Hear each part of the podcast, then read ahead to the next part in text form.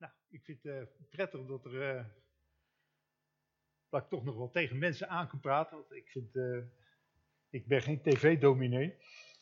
En dat moet je eigenlijk wel zijn. met de manier waar we nu met de kerk omgaan. Maar ik vind het zo fijn ja, met tegen jullie praten. En trouwens zo natuurlijk in, in de huiskamer, geweldig. ja, wat betreft die fundamenten uh, waar de, dan de gemeente op zit, dan de vader. Uh, ik moet zeggen, het is, het is de laatste tijd, merk ik eigenlijk dat, dat mijn fundamenten ook wel op een... ik, ik, heb veel toch aan mijn vader te danken. Ik had niet zo'n echt een, een, een denderende band met mijn vader. ik zou misschien wel denken of zo, maar nee, ja, mijn vader was altijd weg. Die was altijd uitpreken. En, dus ik ken hem alleen maar of voornamelijk, uh, nou ja, ja, af en toe uh, in, in, de vakantie, in het weekend al heel af en toe wel. Maar uh, ja, vooral dan als je op de boerderij moest werken. Want dan zat hij achter mijn broek aan, want dan wilde ik leren of juist andere dingen doen. Maar er moest altijd gewerkt worden hier. Die, die boerderij die moest hier opgebouwd worden. En ik, ik was niet zo'n ijverige... waarvoor zeg ik dat eigenlijk? Nou, ik, ik, het is toevallig de Bijbel van mijn vader. Uh, nog veel aantekeningen erin. En uh, ik merk dat ik uh, steeds vaker word, hoor ik die stem nog eens van mijn vader. Dan zeg ik, nou is niet beter de stem van God hoor. ja, dat is veel beter om de stem van God horen. Maar dat zij dus, de, dat, dat echo nog steeds in mijn herinneringen. Allemaal bijbelteksten een bijbelteksten die ik uit mijn hoofd kan, uh, maar die opeens beginnen te leven. Ik merk ook op, opeens dat de Heilige Geest, niet mijn vader, de Heilige Geest steeds meer um, ik weet niet hoe ik het moet uitleggen, maar uh, lijkt bezit te willen nemen van mij. Goed, daar heb ik het er een beetje uit, maar uh, begon een beetje een, een jaar geleden. Toen had ik een, uh, een preek in Capelle aan de IJssel. En zoals ik altijd mijn hele leven, ik heb ongeveer vanaf mijn negentiende heb ik gepreekt, want mijn vader schopte me natuurlijk ook al het podium op. Iedereen in de kerk die een beetje kon, wel kon zeggen, die werd het podium opgeschopt. Dan je even kijken of je kon preken was, uh, was wel fijn eigenlijk. Wat, wat, een kerk hadden we toen. Uh, je, je, je je kon niet lekker in die zaal zitten. je had of een getuigenis, of je werd, moest spreken, of je had een lied. Als we dan bij elkaar zaten, hè, dan, ja, toen, toen de eerste dienst hier, of dat was eerst daar, dan zaten alle muzikanten gewoon net als de gewone mensen hier gewoon in de, in de kerk, vooraan. En dan, ja, de zangleider die zat hier. En, uh, ja. Wie heeft er een lied? Nou, dan klonk er een lied. Iemand nog een lied, ja. Wie heeft er een getuigenis? Nou, nou een getuigenis. En dan gingen we bidden en uh, ja, gewoon mensen uit de zaal die gingen dan bidden. En uh, kreeg je opeens een, een, een, ging er iemand die tongen spreken. Nou ja, je kent als kind wel iemand. Ik kende dat natuurlijk wel, maar mijn vader die sprak zo vaak in tongen als hij aan het bidden was. Als ik hem in zijn stille tijd. Als ik s morgens vroeg opstond, dan was hij al bezig met, uh, met zijn stille tijd. Maar, jongen, jongen zeg. Uh, en dan werd er hardop in tongen gebeden. En dan, ik als kind natuurlijk, ja, ik hoop dat er geen vreemden in de zaal zitten, want dan sta ik... en kreeg je ook uitleg. Echt fantastische dingen. Ook soms echt, zoals mijn dochter zouden noemen, cringe. Je weet wel, oh, oh nee. Oh. Ja, de mensen deden maar wat. Uh, het, was, het, was een, een, beetje een, het was een hele beetje rommelige en levendige boel. En met mijn grote instemming hebben we natuurlijk in de loop van tijd hebben we die kerk nog wat meer georganiseerd. En al die rare dingen die, die mis konden gaan, dat hebben we goed de kop ingedrukt.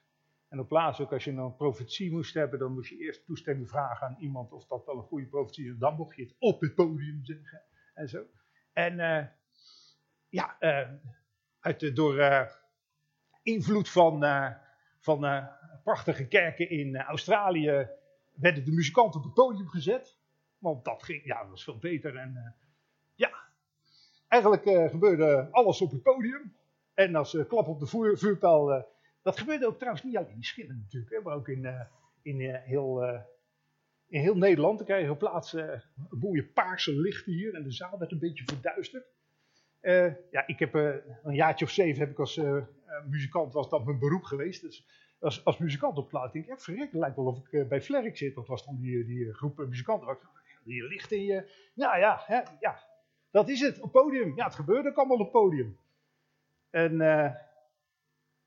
ja, dat is wel een, een, voordeel natuurlijk als je dan met regels komt of met een lockdown, dat we allemaal bang zijn voor een coronavirus. Oh, nou, dan kunnen we, ja, het gebeurt toch op het podium, dus dan kunnen we er een tv-uitzending van maken. Ja, die stap is niet zo groot. Moet je je voorstellen als dat uh, eh, 40 jaar geleden zou zijn. Dan hadden we gezegd, ja, maar dat kan niet. Hoe kun je een kerkdienst hebben?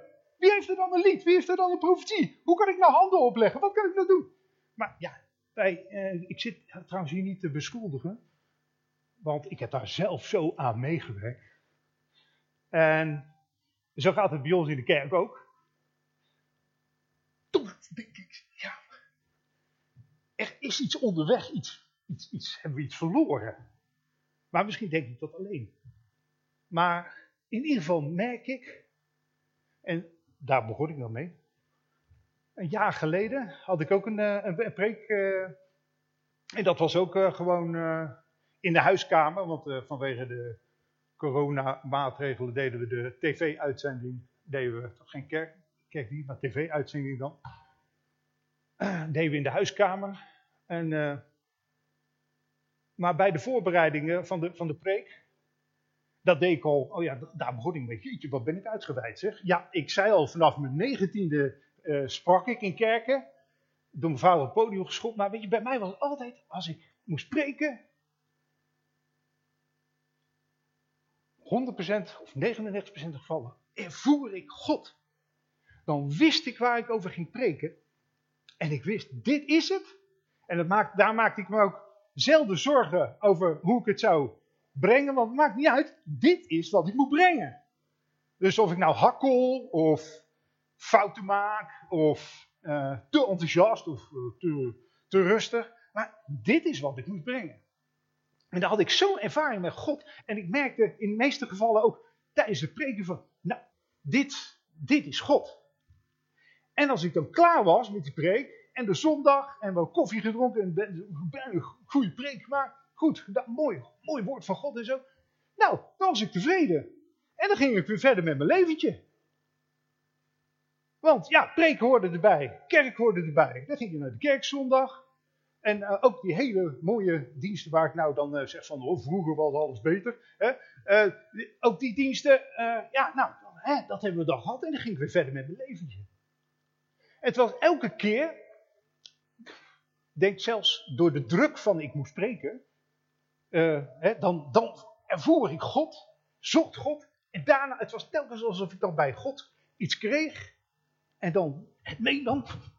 Zo, preken, Klaar. En nu weer verder met het gewone leven. Mijn studie, uh, mijn conservatorium of mijn, mijn rechten of, of, mijn werk. Of uh, zo. En dan, God, die hadden we natuurlijk in de kerk. Ja, en, en, ja, vooral als ik in de moeilijkheden zat.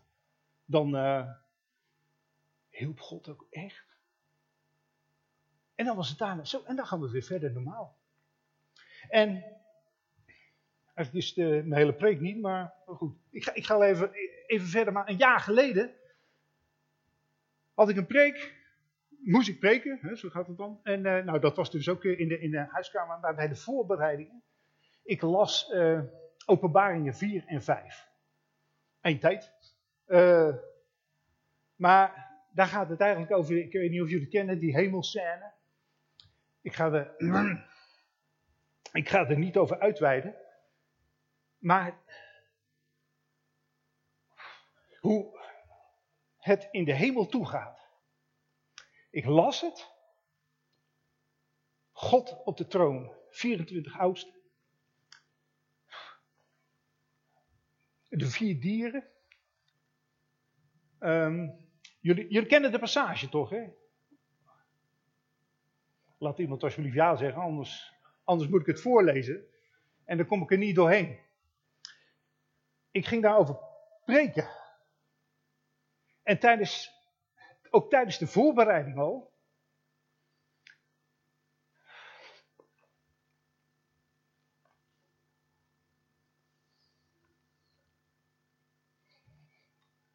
Ja, het is mijn onderwerp niet.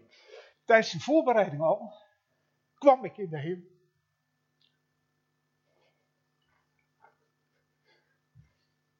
Ik zag niks.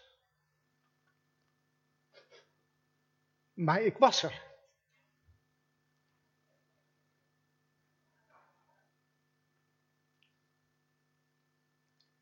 God is veel groter dan wij bidden of beseffen. Ik ken dat zinnetje.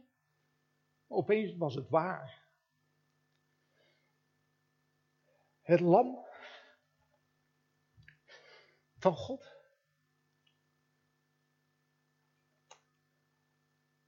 Alles wat daarin staat in de Bijbel is waar.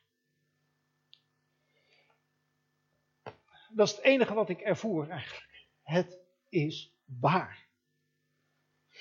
Alles wat hier in de Bijbel staat is waar. Ik heb het altijd ook, ook gevonden, ja dat klopt. Maar als je opeens merkt, en dat noemen we dan denk ik Heilige Geest, dat is waar, dan verandert opeens je leven. Na die preek wilde ik ook weer gewoon verder gaan met mijn leven. Want ja, nou, Mooi gepreekt, je was wel e- emotioneel. Hè? Maar, daar heb ik dan, uh, hè? maar goed, toen wilde ik ook weer verder gaan met mijn leven. Dat ging ook wel goed. Mijn, mijn beslommeringen, druk werk enzovoort. Maar ik kon, en nog steeds blijkbaar niet, niet meer hierover praten normaal met anderen.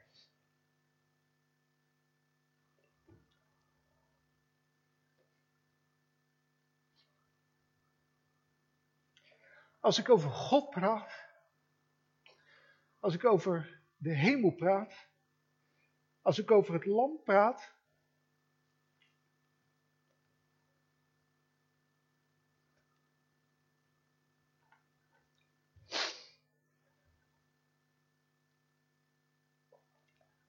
dat kan ik niet meer. Tenminste, zonder uh, te gaan lopen Zonder dat ik onder de indruk ben, blijkbaar, van zijn heiligheid, zijn grootheid en zijn impact. En eh, ik ben natuurlijk als kind volgestopt met Bijbel, teksten, vol, ik weet hoe die in de kerk gaat, fijn, prachtig, aanbidden. Ik had altijd het idee, ik, ik kende die passage trouwens natuurlijk ook wel uit openbaring, die las ik wel vaak, want ik hou wel van openbaringen en eindtijdversies en eindtijdvisies. Daar ben ik mee grootgebracht. Als je die van mij wil weten, wil ik het u na de kerkdienst ook wel vertellen. Maar ik heb als kind nooit begrepen. En oh jongens, in de hemel, dan gaan we hem loven en prijzen. Oh, de, jubel, loof, prijs. En dan dacht ik, ja, ik ga in de hemel liever, denk ik, een, uh, ja, potje voetballen of uh, iets in wetenschap doen of iets. Uh, nadat ik in de hemel ben geweest?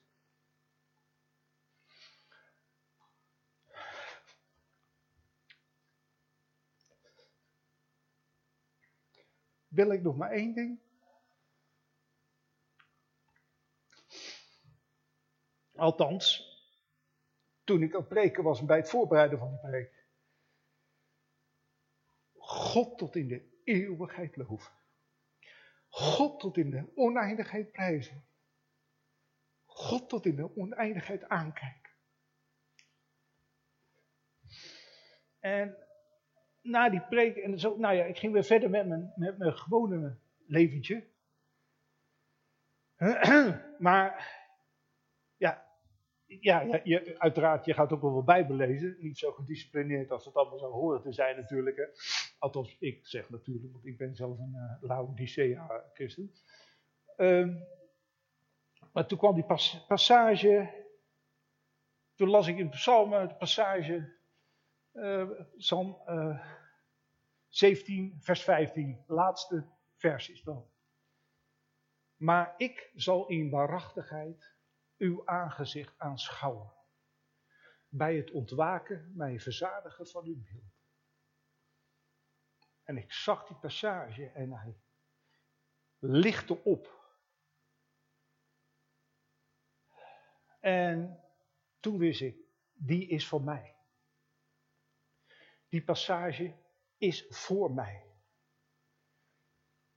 In het begin dacht ik ook nog eens, dit is mijn ticket naar de hemel. Want dit is een belofte. Maar dit is voor mij. Maar het was ook precies wat er in mij iets zat. Dat dat wilde. Dat was nou precies hetzelfde. Dat is die.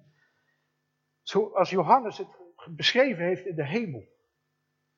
Dit ben ik. Dit wil ik. En weet je wat nou zo raar is?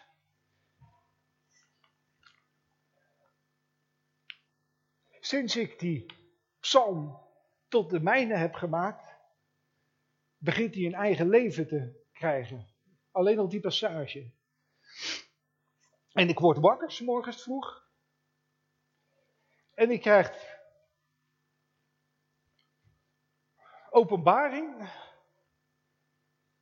Grote openbaringen, vergezicht, nee, openbaring. Dat wat hier staat, en dan krijg ik een bijbeltekst, dat het waar is dat het waar is.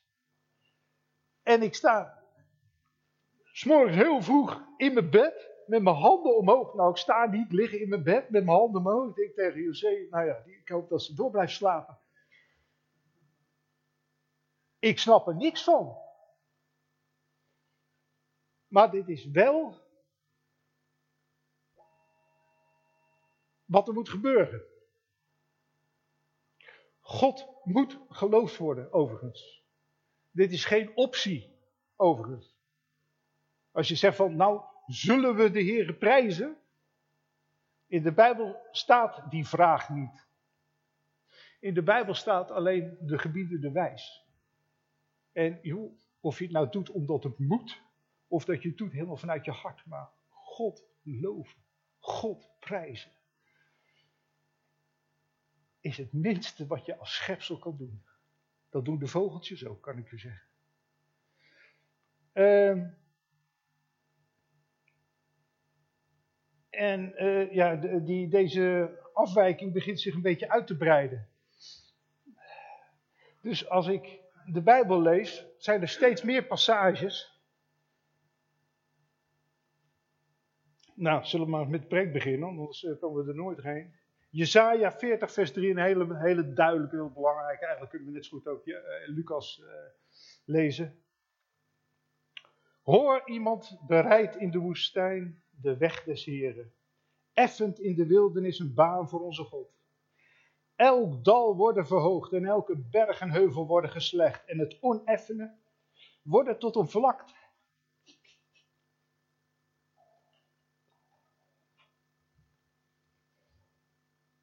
en de rotsbodem tot een vallei. En de heerlijkheid des Heren zal zich openbaren. En alle levenden tezamen zal dit zien, want de mond des Heren heeft gesproken. Deze tekst wordt natuurlijk in de uh, Evangelie van Matthäus en in Lucas herhaald. Want wat is dit? Ja, introductie van Johannes de Doper. Wat een tekst.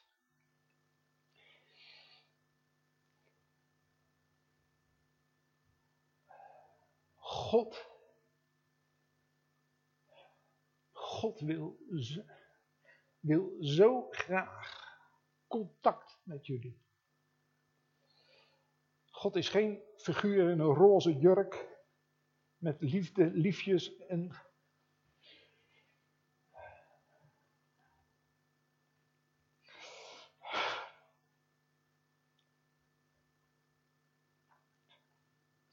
Deze God kunnen we niet beseffen. Die is veel groter. En veel strenger. En veel rechtvaardiger. Ja. als je zegt, oh ja, in het Oude Testament al die moordpartijen, dat, uh, dat, uh, hè, dat is een beetje overdreven. Nee, dat is niet overdreven. En het enige wat wij overdreven vinden is dat wij ons eigen rechtvaardigheidsgevoel hebben. Het enige overdreven is dat wij vinden zonde niet zo erg. En zeggen we, God, God, u bent overreacting. Ja, zullen wij God maar vertellen wat, wat rechtvaardig is? Maar deze God heeft bergen afgebroken, heeft dalen opgevuld, om jullie, om mij te bereiken. Johannes de Doper. Wij, uh, het staat in de woestijn, hè? Ja. Dat is ook wat wij ervan gemaakt hebben. Ja. Wellicht kon God wat doen. Had makkelijker werk in een lieflijke vallei. In groene heuvels in volle akkers. Maar die waren er niet. Het was een woestenij in Israël. Een geestelijke woestenij. Jo, God had zo vaak al geprobeerd wat met die Joden wat te doen. Met de Israëlieten. Het hele Oude Testament staat er vol van. Profeten gestuurd, opwekking gehad, bevrijders, machtige bevrijdingen en altijd ging het weer mis.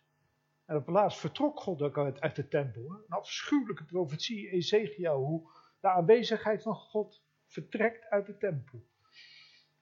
En je had dan af en toe nog wel weer een opleving, maar het volk is in ballingschap gegaan. Eerst hè, Israël door de Assyriërs, Juda door de Babyloniërs. Daarna zijn ze weer teruggekomen, maar het is nooit meer zo mooi geworden als het was. En het werd eigenlijk nog alleen maar erger. En we hebben nog een, een periode gehad, die staat niet in de Bijbel, het is in de Maccabeeën. Waar nog een, een restant van Joden zegt van jongens, ja, we laten ons toch niet door die generaals van Alexander de Grote ja, de, wet opleggen en, eh, en, en zeggen zo, uh, dit moet er in je tempel gebeuren. Ik er wel een beetje aan van vandaag denken, maar dat doen we niet en nooit. En er zijn mensen gestorven. En. Maar ook dat is neergedoofd. En toen kregen we de Romeinen bezetting en that's it. Een grotere woestenij kan je je niet voorstellen. En in die tijd zegt God.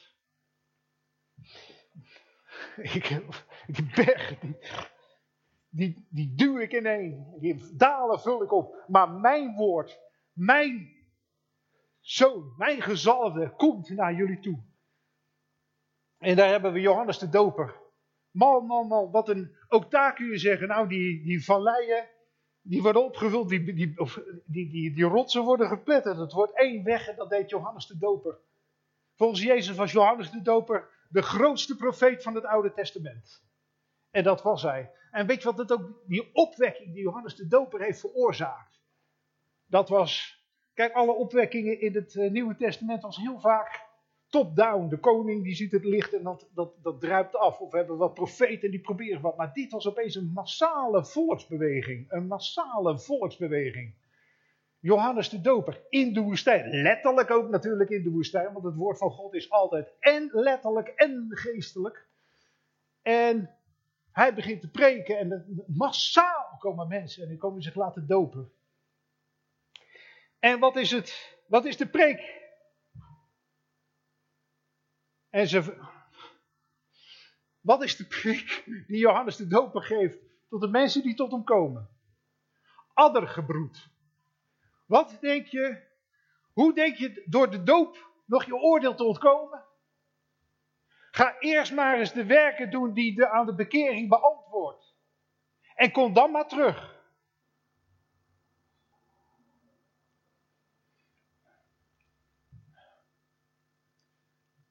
Nou, nou, nou, nou, nou. Weet je, weet je wat het is?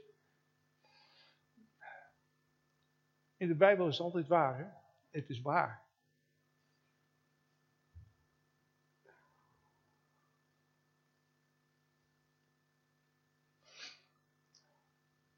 Als jij bij God komt. Johannes de Doop had gelijk.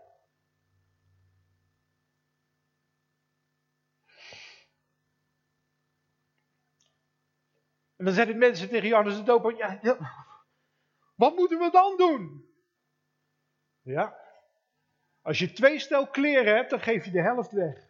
En dat doe je ook met je eten. Hebben wij dat al gedaan? Oh nee, nee, nee, dat is oud-testamentisch. Jezus is veel liever. Ik kan me zoiets herinneren dat Jezus tegen een rijke man zei: Geef alles weg en volg mij. Volg mij. Zijn we volgers van Jezus? Wat zei Jezus over het volgen? Hij zei: De zoon des mensen heeft nog geen steen om zijn hoofd op te leggen.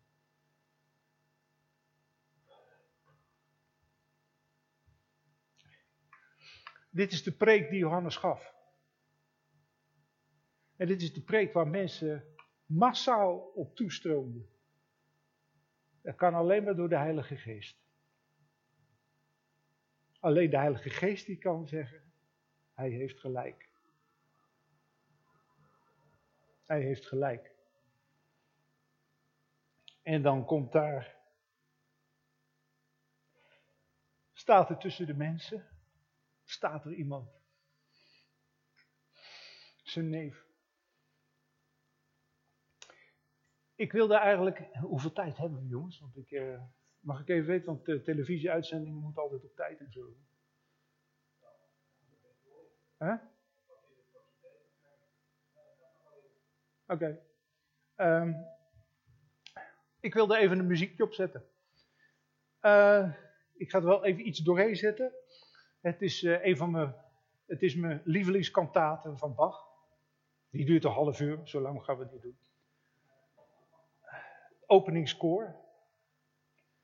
Uh, Jezu, onze heiland, zum Jordan kwam.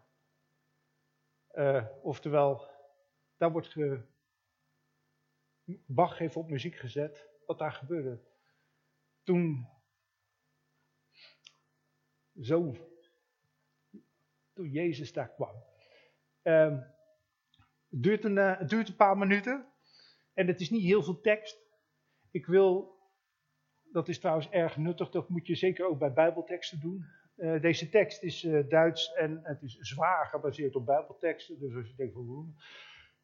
Ik wil, er komen tekstflarden langs en ik wil dat jullie. Zo, ja, ik begin wel een beetje te, te sturen, maar ik wil dat jullie hierop mediteren. Ook thuis zullen we het dan maar gewoon doen. Er komt muziek aan. Het is prachtige muziek. Ik bedoel, je, je ziet de Jordaan. Je, je ziet, ik, er staat ook een plaatje bij. Dat plaatje dat zegt me niet zoveel. Wat dat betreft doe je ogen maar dicht. Maar je ziet, Bach heeft iets, uh, iets, prachtigs in elkaar begrepen. En je ziet de Jordaan stromen. En uh, en we gaan ons, uh, Jezu, onze Heiland, zum Jordan kam. Nach seines Vaters willen. Sankt Johannes, die taufe nam, oftewel, hij doopte hem. En, uh, nou, uh, zet hem maar aan.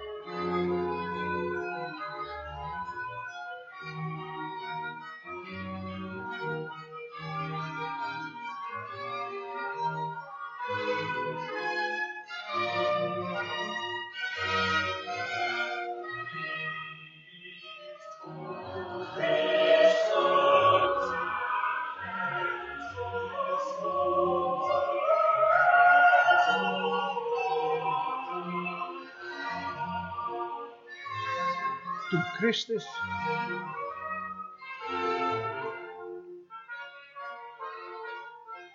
toen Christus onze heiland naar de Jordaan kwam.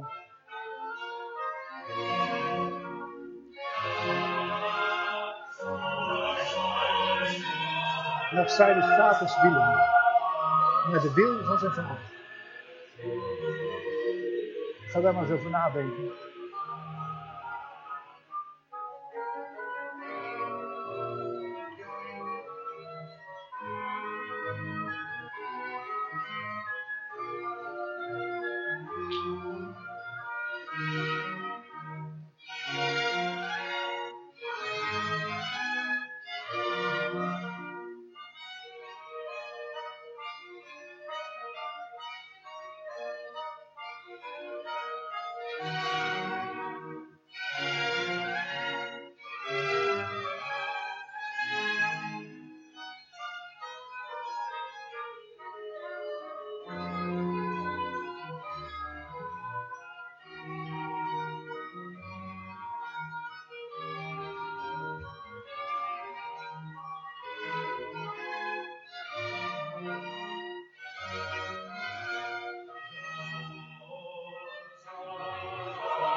Van Sankt Johannes de Taufe. Hij ontving de doop van de heilige Johannes.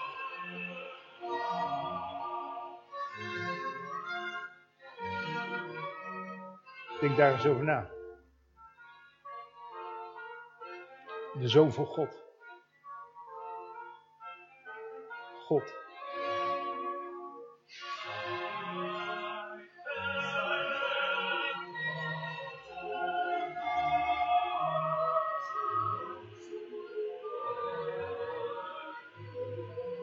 zijn werk om ambt te erfüllen. Dat deed hij om zijn werk en zijn bediening te vervullen.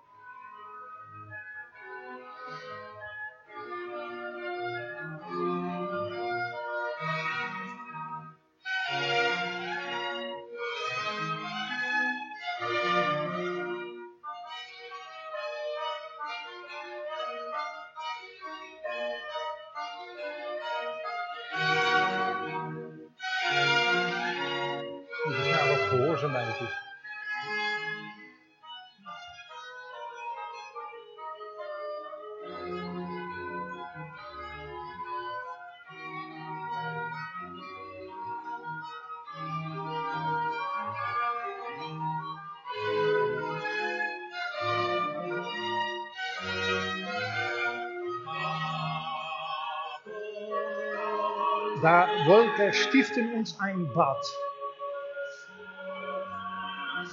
Hij schildert ons een bad.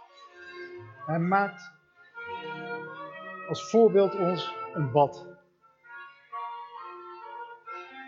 Een waterbad.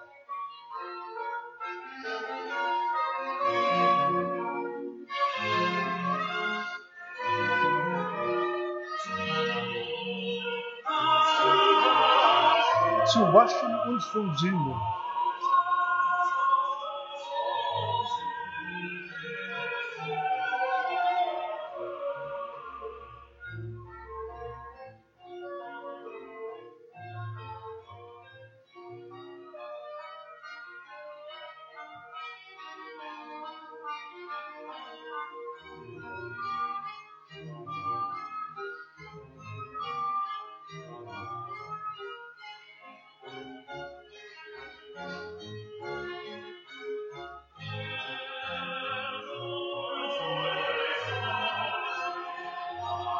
Ersäufen auch den bitteren Tod, om ook de dood, de bittere dood te verdrinken.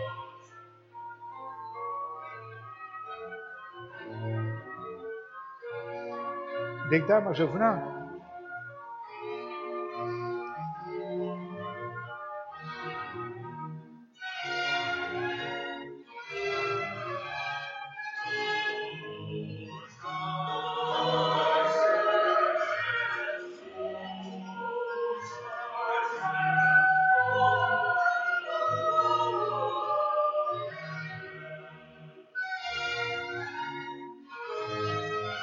Galt een neues Leben. Ze zongen net sein Selbst Blut und Wunden. Door zijn eigen bloed en zijn eigen wonden.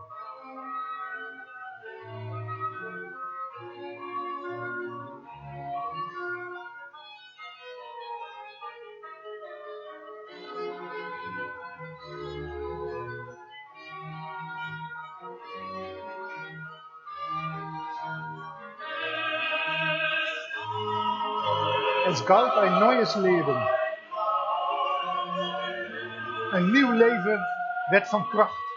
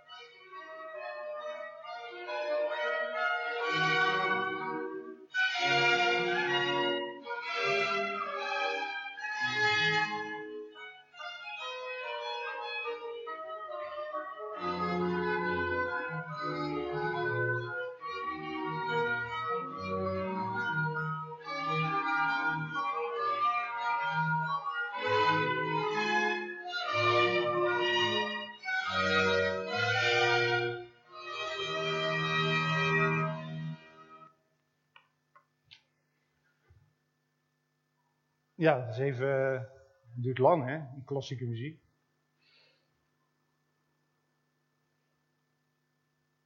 En toen ging hij dopen en uh, ja, wij kennen het verhaal hè. Dat is allemaal echt waar. En toen kwam na de doop, bij de doop, kwam die Heilige Geest als een duif.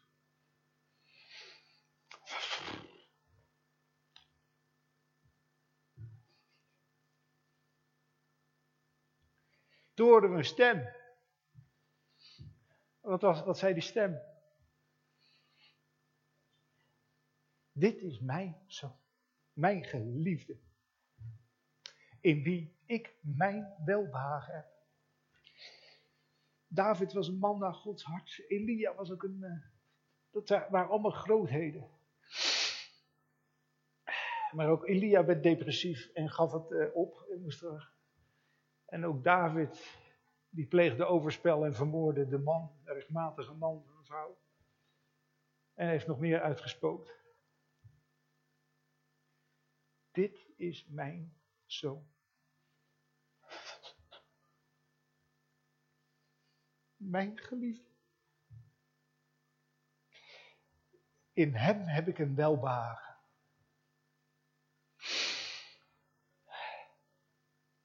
Ja. In uh, het evangelie van Johannes staat er bij die doop dat Johannes de doper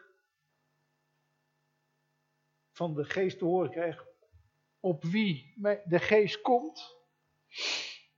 Hè? En wat staat erbij? En op hem blijft. Dat is de Messias. Messias. Dat wordt het. Ja, dan hoef je natuurlijk niet te vragen, hoe komt het dat de Heilige Geest op hem kwam en op hem bleef? Want dat antwoord heb ik u al gegeven. Want dit is mijn geliefde zoon. In wie ik een welbehagen heb. Ja, wat denk je wat die geest doet? Die trekt als een magneet op Jezus. En gaat er niet meer weg.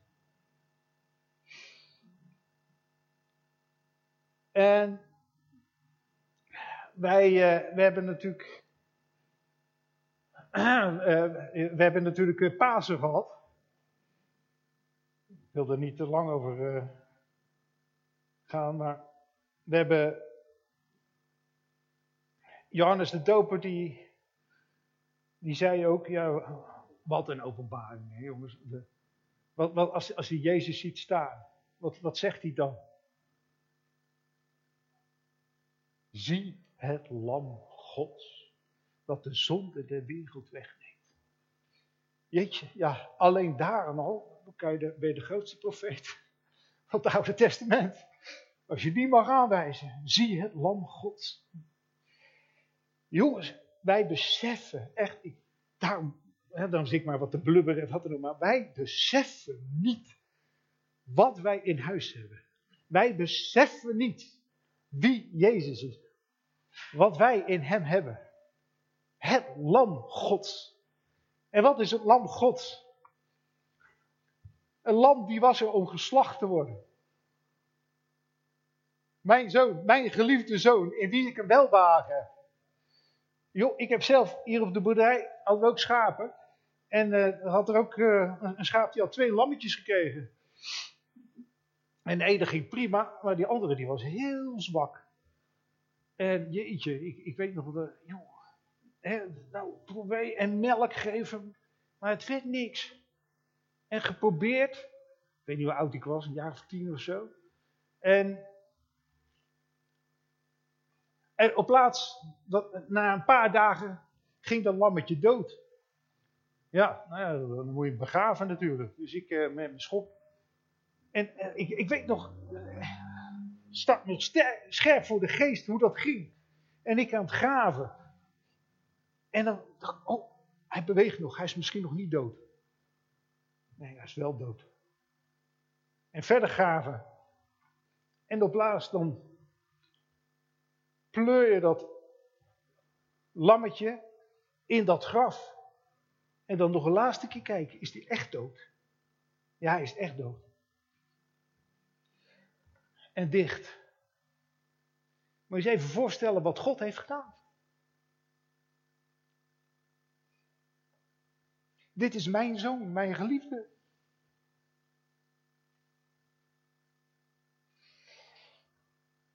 En wat er in de hemel gebeurt, heeft consequenties op aarde. En wat er op aarde gebeurt, heeft consequenties in de hemel. En toen Jezus aan het kruis ging. En als je me niet gelooft, dan lees de Hebreeënbrief er maar op na. Maar toen Jezus aan het kruis ging, ging Jezus in de hemel naar de tempel. Is er de hemel een tempel? Ja, er is een hemel een tempel. De tempel hier op aarde is alleen maar een slap aftreksel van wat er in de hemel is. En toen Jezus aan het kruis genageld werd, ging Jezus naar het altaar. Is er in de hemel een altaar? Ja, er is in de hemel een altaar. Want wat we hier op aarde hebben is een slap aftreksel van wat we in de hemel hebben. Dat is wat Mozes gezien heeft. Die heeft daar gezegd, zo moet je het maken. Zo wordt het tabernakel.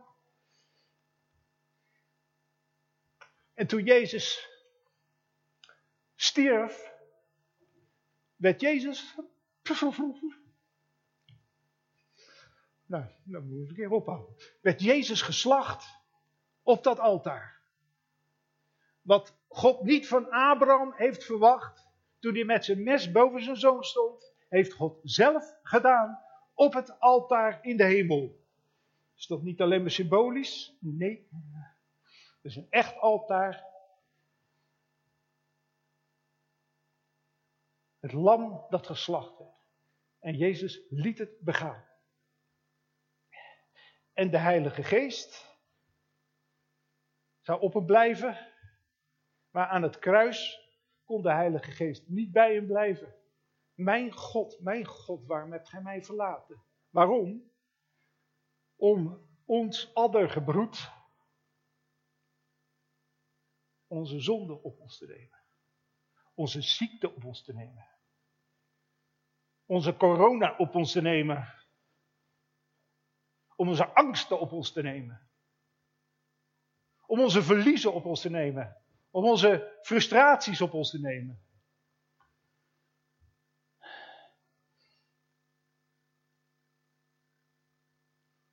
En toen vertrok de Heilige Geest. En toen ging Jezus naar het dodenrijk. Maar ja, wat gebeurde er in het dodenrijk?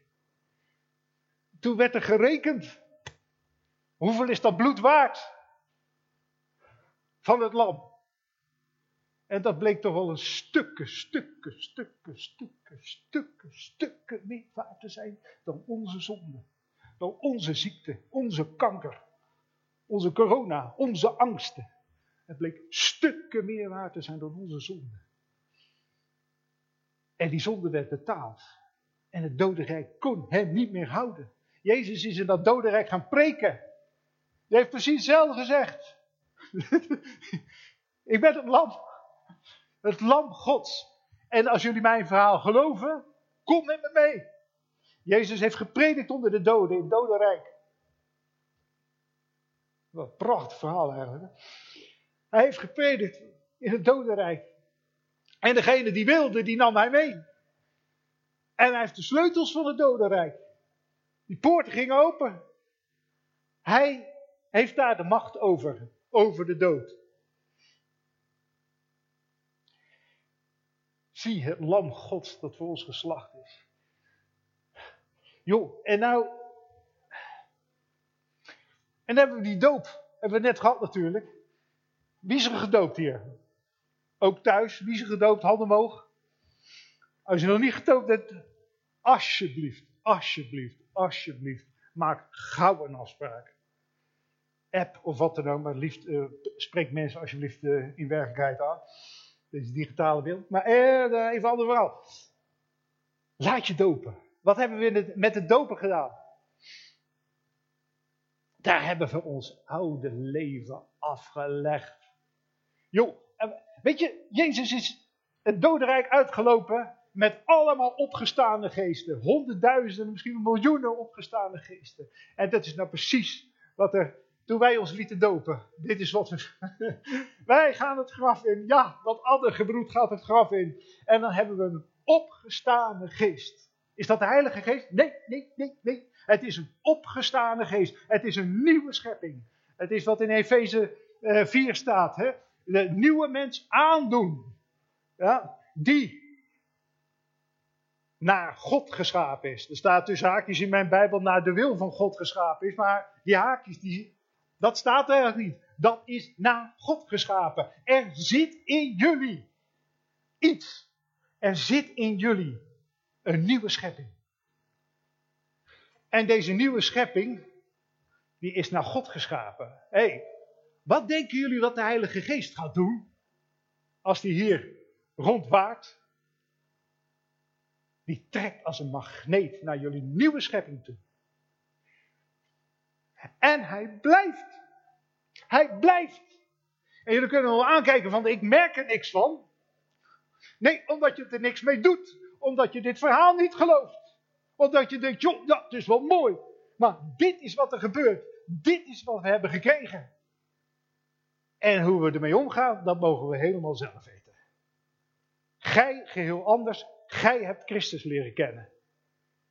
En zo zouden we ook moeten kijken, hoe doen we dat hier in de kerk, hoe doen we het in de, in de wereld? Gij geheel anders, gij hebt Christus leren kennen. Christus is toch het allerbelangrijkste wat er is. Daar zouden we toch een moord voor willen doen?